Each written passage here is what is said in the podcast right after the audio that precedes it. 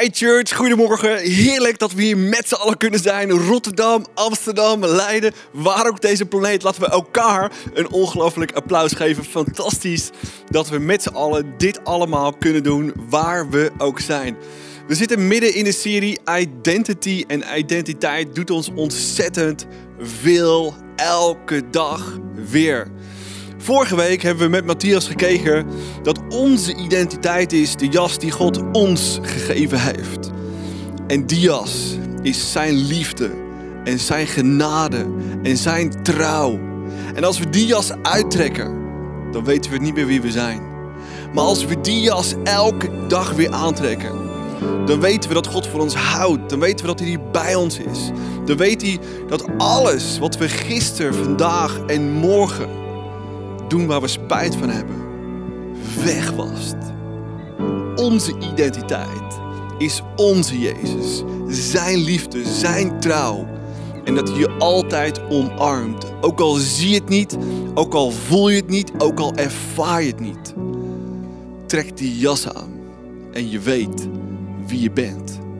Vandaag gaan we naar een ongelooflijk belangrijk topic kijken. En dat heeft te maken met vergelijken. We doen het allemaal en elke dag weer. Vergelijk is zo'n groot topic in ons leven. En dat als we daar verkeerd mee omgaan, dan rooft het onze vrede. Dan steelt het onze joy. Het zuigt ons energie helemaal leeg. Totdat we niet meer weten wie we werkelijk zijn. Vergelijken is een groot topic in ons leven. En vergelijken is duivels. Want het maakt dingen totaal stuk. En als we teruggaan in de Bijbel, bij het allereerste begin bij Adam en Eva, dan zien we dat vergelijken duivels is en dingen totaal stuk maakte. Laten we kijken wat de Bijbel daarvan zegt. In Genesis 3 daar staat het volgende. De slang was listiger dan alle andere dieren die de Heere God gemaakt had. Hij zocht de vrouw op en hij vroeg: God heeft jullie zeker wel verboden om van die boom in de hof te eten, hè? Zo'n vieze, gore vraagteken. Vergelijken begint bij vraagtekens. Nee hoor, antwoordde de vrouw. We mogen van alle bomen eten in deze hele hof. Behalve van die in het midden van de hof. We mogen hem zelfs niet aanraken. Want dan zullen we sterven. Dat is een leugen, zei de slang. Jullie zullen helemaal niet sterven. En nu komt hij. God zegt dat alleen omdat hij weet dat jullie aan hem gelijk zullen zijn. Zou je aan hem gelijk willen zijn? Als je jezelf vergelijkt, zou je dan God willen zijn? Als je daarvan eet. Je ogen zullen opengaan en net als God zul je onderscheid kennen tussen goed en kwaad. Zou je als God willen zijn? Zou je hetzelfde willen zijn? Zou je zo machtig willen zijn? Als je jezelf vergelijkt en naar jezelf kijkt en je vergelijkt met God, zou je dan God willen zijn? Dit vergelijk was zo smerig, was zo listig en maakte letterlijk alles stuk vergelijken in ons leven maakt ontzettend veel stuk. Ik kwam afgelopen week een quote tegen. En die zegt het volgende. De snelste manier om iets speciaals kapot te maken is door het te vergelijken met iets anders. Adam en Eva werden verleid om zichzelf te gaan vergelijken met God. En toen ze zich gingen vergelijken met God en zoiets hadden, ja, ik wil dat, verliesten ze zichzelf. En er ging nog zoveel meer stuk. En dat is de eerste gedachte van vandaag. Laten we naar kijken wat daar staat. Vergelijken leidt of tot inspiratie of tot jaloezie. En laten we eerlijk zijn. Als we onszelf vergelijken, kunnen we echt geïnspireerd raken. Vergelijken aan zich is niet fout. Het heeft ook goede eigenschappen. Het heeft mooie eigenschappen. Het kan ons goed doen. Het kan ons inspireren. Neem maar bijvoorbeeld dat je een bepaalde haarkleur hebt. En dat je werkelijk waar niet weet wat voor kleding daar dan bij past. En je ziet een mooi magazine of een mooi programma en je denkt... hé, hey, die persoon heeft dezelfde haarkleur als ik. En wauw, wat staan die kleding daar goed bij. Dan is het inspiratie wat je verder kunt helpen.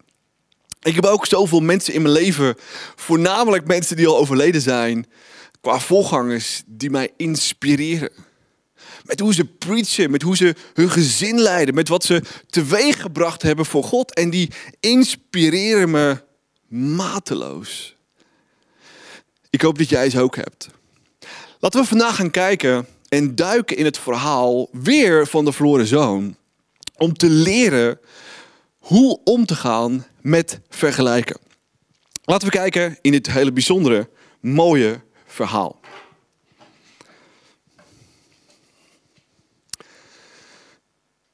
Ondertussen was de oudste zoon op het land aan het werk.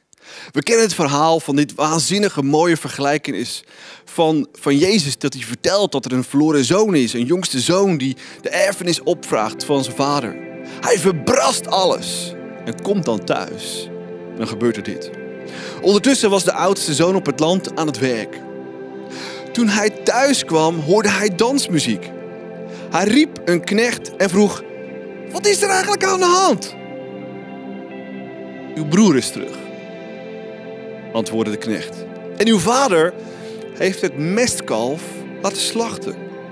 Hij is zo blij dat uw broer weer gezond en wel is thuisgekomen. De oudste broer werd kwaad en wilde niet naar binnen gaan. Zijn vader kwam naar buiten en probeerde hem mee te krijgen. Maar hij antwoordde: Luister, vader, al die jaren heb ik me voor u uitgesloofd. Ik heb altijd gedaan wat u zei. Maar u hebt mij nog nooit een bokje gegeven om te slachten en feest te vieren met mijn vrienden. En nu komt die zoon van u thuis. Hij heeft er eerst uw geld er bij de hoeren doorheen gejaagd. En wat doet u? U slacht voor hem het beste kalf dat we hebben. Maar jongen, zei de vader. Jij en ik zijn altijd samen. Elke dag, dag in dag uit. Alles wat van mij is, is van jou. We kunnen niet anders dan feest vieren. Het is je eigen broer, man. Hij was dood. Hij is weer levend geworden. We waren hem kwijt. En hij is weer terug. Ik weet niet wat dit verhaal met jou losmaakt, maar als ik dit verhaal keer op keer op keer hoor, met name ook toen ik jong was, dacht ik: wat, wat is er eigenlijk aan de hand met die oudste broer? Wat is nou precies zijn issue? Waarom wordt hij hier boos? Alle reden om blij te zijn. Alle reden om hier mee te gaan en feest te vieren. Wat is nou zijn issue? Nou, Jezus vertelt dit verhaal om een aantal redenen. Om een aantal dingen duidelijk te maken voor jou en voor mij vandaag de dag. Dat is precies wat de Bijbel doet. Ons verfrissen, ons verder helpen. En vandaag gaat het om het vergelijk. Nou, laten we eens naar de achtergrond kijken van dit verhaal, wat ons daarin kan helpen. In de Joodse cultuur was het de normaalste zaak van de wereld. Dat je je deel opeiste. En je kon als jongste broer, als jongste broer, je erfenis opeisen. In dit geval een derde van de erfenis. Nou, dat was nogal wat in dit verhaal, want het was een rijke vader met veel land, veel goederen, veel huizen. En hij kreeg zijn deel, groot deel, heftig. En hij had daar als goed rentmeester mee om moeten gaan. Maar hij vond het heerlijk om het te verbrassen, om het weg te geven. Spendeerlijk, heerlijk. Woo! Let's party! De oudste broer kreeg twee derde. En van dat twee derde kreeg hij pas als zijn vader en moeder overleden waren. Alle huizen, alle bezittingen, alles wat de vader had, als hij overleden was. Dus dat kan vele malen later zijn. En dit is wat we goed moeten snappen in dit verhaal. Dat alles wat van de vader was, was al van hem. En dan denk je, wat is hier nou eigenlijk het issue? Het issue is, we gaan vergelijken. We gaan iemand anders, die misschien minder heeft, een derde, kijken wat hij gedaan heeft, kijken wat hij fout gedaan heeft en kijken wat, hoe goed wij zijn. En dan komt de zoon terug. En dit is zo fantastisch om te zien. Hier draait het hele verhaal om. De zoon komt terug, heeft alles verbrast, gaat bij de varkens zitten eten. Een varken was onrein in die tijd. Je kon lager kon je niet gaan als een Jood. En toen Jezus dit verhaal vertelde aan de mensen, mensen walgden letterlijk van wat hier gebeurt bij de varkens. Ah, jakkes, uh. En de vader vraagt hem weer thuis te komen. Hij slacht het kalf, viert een groot feest, krijgt een mantel van vergeving. Maar hij krijgt ook een ring. En een ring stond voor die tijd dat je zakelijke transacties kon doen. Dat als er een contract getekend moest worden, dat je met een, met een zegelring die kon bezegelen. En die zegel hoorde bij de familie, bij de vader. God gaf dus zoveel terug aan deze jonge persoon. Daar zat het issue. Kunnen wij leven met dat God voor iedereen en alles zoveel genade heeft, ook voor jou, ook voor mij, maar met name voor een ander die misschien in jouw ogen dingen gedaan heeft die echt niet kunnen. Waar je misschien zo'n vroeging van krijgt. Dat je misschien jij dat zo smerig vindt, zoals deze broer. Maar God zegt, dit is mijn hart. Dit is mijn passie. Ik hou van alles en iedereen. Het is een bizar verhaal, maar dat is wat het hart voor God laat zien. Dat is wat het hart voor God is. En laten we het praktisch maken voor jou en ik. Hoe groot Gods genade is. Misschien zit je al jaren in deze kerk en misschien heb je al alles gegeven. En misschien geef je elk jaar met Reach ontzettend veel. Misschien geef je van maand naar maand je tiende aan deze kerk. En loop je het vuur uit je scheden om elke dag weer de kerk te dienen. Of je smoorgroep te dienen of je team te dienen. En heb je alles gedaan wat er te doen valt. En voel je je daar zo ontzettend goed. En er komt vandaag iemand de kerk binnenlopen die nog niks gedaan heeft. Nog niks gegeven heeft. En zijn leven in Jezus geeft. Daar houdt God net zoveel van. Als jij en ik. Dat is waar dit verhaal vandaag om draait. Kunnen we dat accepteren? Kunnen we zien dat Gods liefde zo ontzettend groot is? Is onze liefde en onze genade ook zo groot in dit verhaal? Laten we kijken naar wat Paulus zegt tegen de Corinthiërs. Wij wagen het niet onszelf te vergelijken met mannen die zich aanbevelen. Hun probleem is dat ze zich alleen maar met elkaar vergelijken en hun waarde afmeten aan hun eigen denkbeelden. We zijn vaak zo voortdurend aan het vergelijken, vergelijken, vergelijken, vergelijken, vergelijken. Maar het gaat niet om vergelijken. Jouw verhaal is jouw verhaal. En vaak zijn we letterlijk appels met peren aan het vergelijken. Misschien ben jij een ananas, of misschien ben je een mandarijn, of misschien ben je een appel. Of misschien ben je zo'n hele lelijke passievrucht. Ziet er niet uit. Maar ze zijn oh zo lekker van binnen. Met name als je in Indonesië bent geweest en je hebt de gele gegeten. Deze zijn een beetje zuur, maar die zijn zoet.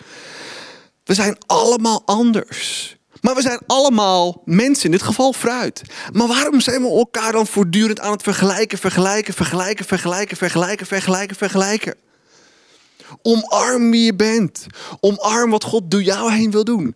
Omarm datgene hoe God jou gemaakt heeft en wat hij door jou heen aan het doen is. Laten we kijken naar een fantastisch vers in Hebreeën, daar staat het volgende. Nu zo'n grote menigte van getuigen ons ziet en aanmoedigt, moeten wij alles afleggen wat ons hindert. Vergelijken. En ons bevrijden van de zonne die ons aan ons vastklemt. Vergelijken. We moeten de wedstrijd voltooien die voor ons ligt. Jouw wedstrijd. Misschien wel als ananas, misschien wel als mandarijn, misschien wel als een druif, misschien wel als een appel, misschien als een aardbei. Wat is jouw wedstrijd? Wat is jouw talent? Wat is jouw passie? Wat is jouw roeping wat God door je heen wil doen? We moeten de wedstrijd voltooien die voor ons ligt zonder op te geven. Daarbij moeten we naar wat kijken? Naar anderen? Nee. Daarbij moeten we blijven kijken naar Jezus, die ons de weg wijst. Hij is het doel van ons geloof. Niet de ander, niet jij, niet ik. Nee, Jezus is ons doel. Hem snappen, hem begrijpen, hem leren kennen, dicht bij hem leven. Die mantel van vergeving en liefde elke dag weer aantrekken. Zodat je weet wie je bent, dan niet gaan zitten vergelijken. Maar Jezus, wie ben ik? Wat wilt u door mij doen? Wat is mijn passie? Wat is mijn roeping? Wat, is, wat, wat voor geschiedenis wilt u door mij heen gaan schrijven? Dat is wat ons moet drijven. Dat is wat we moet duwen. Dat is waar we wow, excited van moeten worden. Dat we weten dat je vergeven bent. Dat hij van je houdt. Dat je een mantel van vergeving over je heen hebt. En dat hij op basis daarvan iets door je heen wilt doen. Nou, hoe ziet vergelijker eruit? Nou, er zijn twee manieren van vergelijken. Laten we kijken naar de eerste. De eerste is, heeft te maken met een gedreven mindset. En dat betekent dat er altijd wel iemand is die. dat jij rijker bent, of dat jij sneller bent, of dat jij sterker bent, of dat je mooier bent. Oh, ik ben zoveel slimmer dan de rest. Ik ben zoveel succesvoller dan de rest. En we gaan ons vergelijken met een ander en wij voelen ons beter dan de rest. Soms hebben we het echt niet door, maar we maken ons soms, zelf soms zo, onszelf ons, ons zo goed ten koste van een ander. Ik ben rijker, ik ben sneller, ik ben succesvol. Oh, wat een, wat een akelige mensen zijn er eigenlijk om mij. Ik ben, ik ben zo ontzettend goed. Dat is een mindset. Er is ook een armoedsmindset slachtoffer mindset. Hoe je het ook noemen wilt. En dat gaat over, ja, hij is de rijkste. Ik ben de armste. Zij is de mooiste. En wie ben ik? Of hij is de beste. Maar wat heb ik nou te doen? Oh, zij is zo succesvol. Of hij is zoveel verder dan ik. Of die heeft de grootste kerk, het grootste gezin, het grootste huis, de grootste auto. Er is altijd wel meer. En wie ben ik nou eigenlijk? En het is zo kinderlijk als we dat aan het doen zijn, door onszelf te vergelijken. Ik heb drie dochters. En nee, die zijn nog steeds niet helemaal volwassen. Ze groeien wel steeds. Het grootste issue wat we elke dag meemaken is dat ze aan zichzelf aan het vergelijken zijn. Ja, maar pap, zij heeft dat. Ja, maar pap, zij. Het gaat de hele dag door. En het is soms huilen. En het is soms dit. En het is soms dat. Het is voortdurend niet positief. En eigenlijk doen wij dat ook best vaak. Maar waarom doen we dat? Waarom doen we dat?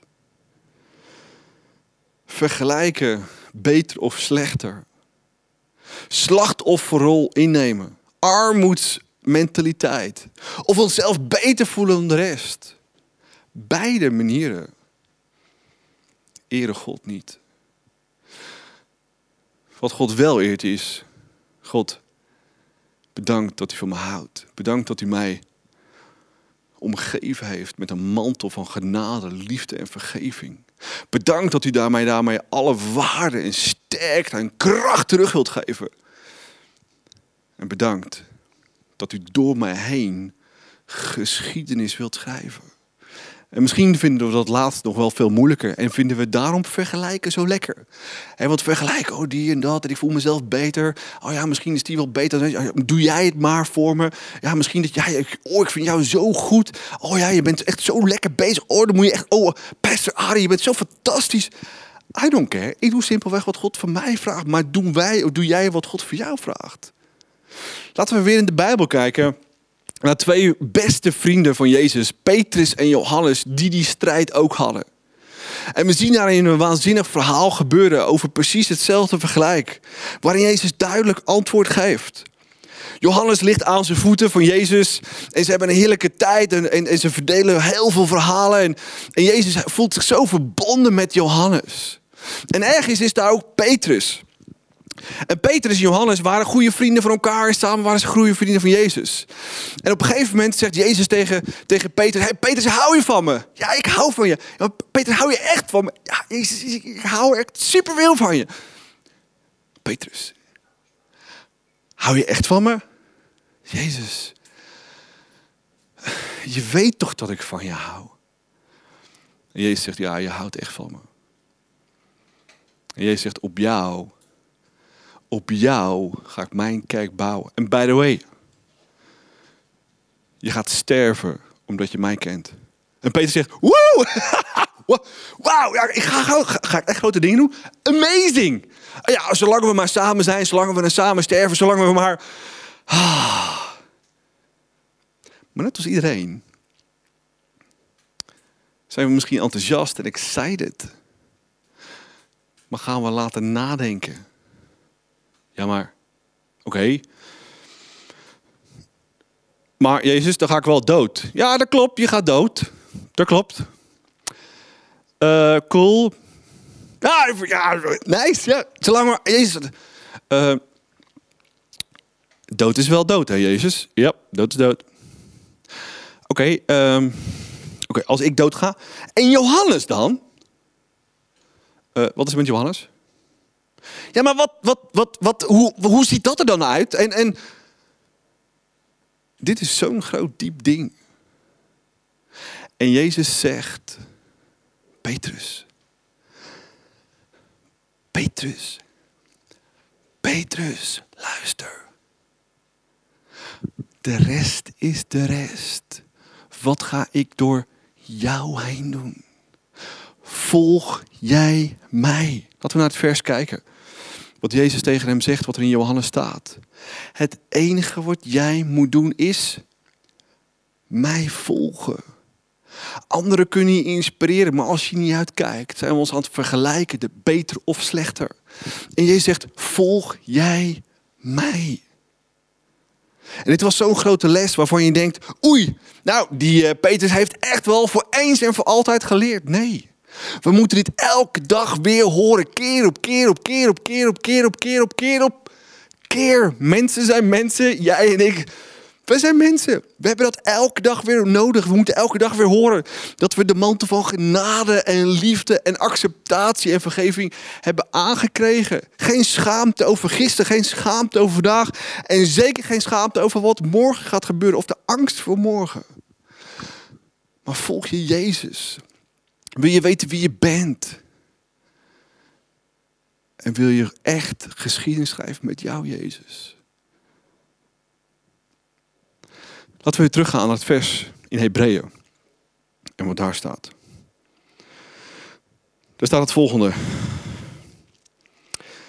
Nu zo'n grote menigte van getuigen ons ziet nu zo'n grote menigte van getuigen ons ziet en aanmoedigt.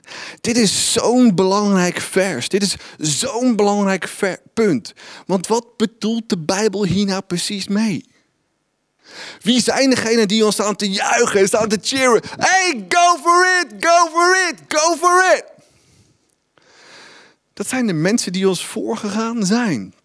Dat is waarom de Bijbel geschreven is, om ons te inspireren. Wat God in het Oude en in het Nieuwe Testament, gewone mensen zoals jij en ik, Peter, Johannes, Jacobus, gewone mensen. Wat God daar doorheen kan doen. Die mensen staan ons te cheeren vanuit de hemel. Hey Ari, go for it. Hey cameraman, go for it. Hey producer die hier zit, go for it. Hey nog camera, go for it. Jij die daar in Rotterdam, Amsterdam, Leiden zit, go for it. Dit is wat Jezus door mij heen gedaan heeft. En weet je wat hij door jou heen gaat doen? Ja, niet hetzelfde, maar iets anders. Dat is zo inspirerend om te weten. Nu zo'n grote menigte van getuigen ons ziet en aanmoedigt, moeten wij alles afleggen wat ons hindert, vergelijken. Maar laten inspireren en ons bevrijden van een zonde die ons vastklemt. We moeten de wedstrijd voltooien die voor ons ligt. Zonder op te geven. Zonder op te geven.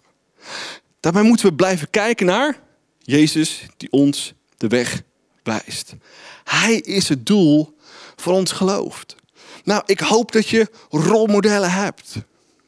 En wat moet je zoeken naar rolmodellen? Wat voor soort rolmodellen heb je nodig? Nou, niet degene die het meest vers zijn en nu zo succesvol zijn. Rick Warren, een van mijn favoriete voorgangers, zegt: neem rolmodellen die succesvol geweest zijn tot hun dood en dus ook na hun dood. Want dat is waar je van kunt leren. Die de wedstrijd hebben volgehouden. Die tot het eind toe met hun Jezus hebben gepusht en geduwd om echt iets voor elkaar te krijgen en echt iets te bewegen samen met God. Het is zo easy om één dag, één jaar, vijf jaar of tien jaar fris te zijn samen met jou, Jezus. Maar tot het eind van je leven is een ander verhaal. Ik heb een aantal mensen oudere mensen, volgangers, die ik volg op Instagram. Die mij totaal inspireren. Die mij totaal verder helpen. Die mij visie geven over hoe ik erbij wil lopen en handelen als volganger, als vader. Als ik 60 ben, als ik 70 ben, als ik 80 ben.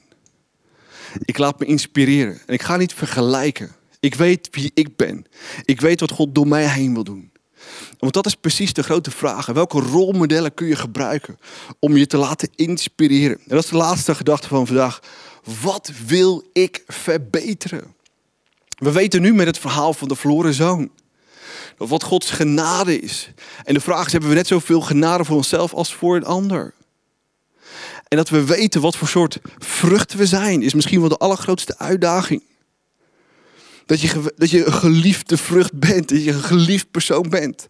Maar de vraag is: heb je die jas van genade aan, van liefde en vergeving elke dag weer? Weet je wat voor soort vrucht je bent? En ben je aan het ontdekken wie je bent? Ben je aan het verbeteren wie je bent? Zodat God niet iets kleins door je heen kan doen, maar echt iets groots door je heen kan doen. We moeten stoppen met vergelijken. Maar wat zou je willen verbeteren? Laten we het praktisch maken, stap voor stap. Misschien zeg je ja, ik wil een goede relatie. Maar de vraag is, wat is een goede relatie? En wie zou je daarbij kunnen helpen? Wat is een inspiratie? Welke persoon is een goede inspiratie voor jullie als stel of als persoon om überhaupt relaties te hebben? Wat kan je leren van die andere persoon? Of misschien wel, uh, ik wil een grote geloof. Wat zijn personen die een groot geloof hebben, die sterk staan, waar je naast kunt gaan staan, die je kunnen helpen, die je, die je kunnen supporten, die je kunnen aanmoedigen? Of misschien wel, ik wil financieel beter af zijn. Stel vragen als, hoe kan ik mijn budget optimaliseren? Hoe kan ik meer geld verdienen? Kijk om je heen. Er zijn er mensen die veel geld verdienen. Ik bedoel, veel geld verdienen om kerk te bouwen, dat is een groot verschil. Er zijn er genoeg mensen die veel geld verdienen voor me, myself en I. Maar mensen die veel geld willen verdienen om Gods koninkrijk te bouwen als eerste. Die hebben een andere mindset. Laat je inspireren door die mensen. Waarom zijn ze zo actief? Wat drijft hun? Wat voor passie hebben ze? Waarom is, is Gods kerk zo ontzettend groot voor hun? Laat je inspireren door die mensen. Of misschien wel ik wil een vervullende baan. Misschien ben je nog steeds op zoek naar wie je bent. Wat voor soort vrucht jij bent. Naast de mantel van vergeving en echte liefde. Die elke dag zelf weer aan moet trekken. Wat Jezus voor jou gedaan heeft. Is weten wie je bent. Wat je passie is, waar je talenten liggen. Waar je hart ligt, waar je ervaringen liggen. En dat in te zetten om Gods koninkrijk te bouwen. Mensen op te bouwen, mensen te winnen. Zijn kerk dat groeien. Geen gebouw, geen programma's, maar mensen. God wil geschiedenis door je heen schrijven. Wie ben je? Vraag je dat af? En misschien de mensen waar je nu tegenop kijkt, kun je misschien daar het beste mee helpen. In plaats van tegenop ze te blijven kijken. En misschien jezelf wel te blijven vernederen. Misschien vraag je af, ja, hoe kan ik nou aantrekkelijker zijn? Aantrekkelijker voor de wereld, aantrekkelijker voor Jezus, aantrekkelijker om mensen je geloof te laten delen. God wil iets bijzonders door je heen doen. Laten we vergelijken voor eens en voor altijd achter ons laten.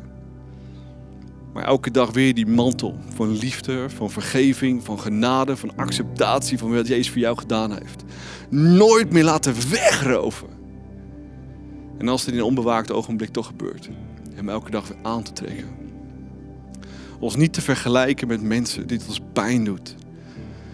Ons niet gaan vergelijken met mensen die minder zijn, waardoor we ons beter voelen. Niet gaan vergelijken met mensen die hoger zijn, waardoor we ons minder voelen. Onze waarde te zien naar de mantel die we hebben. En dat God door jou heen geschiedenis wil schrijven.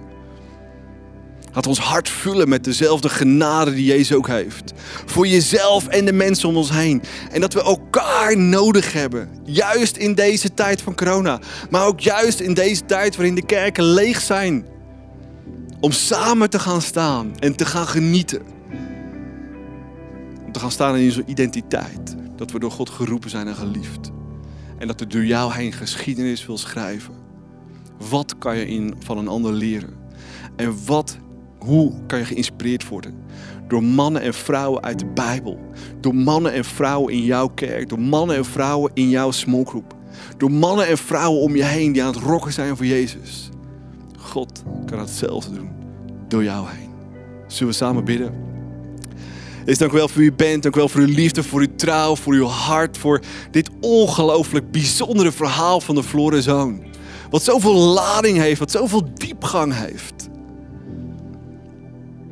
En dit verhaal komt recht uit uw hart.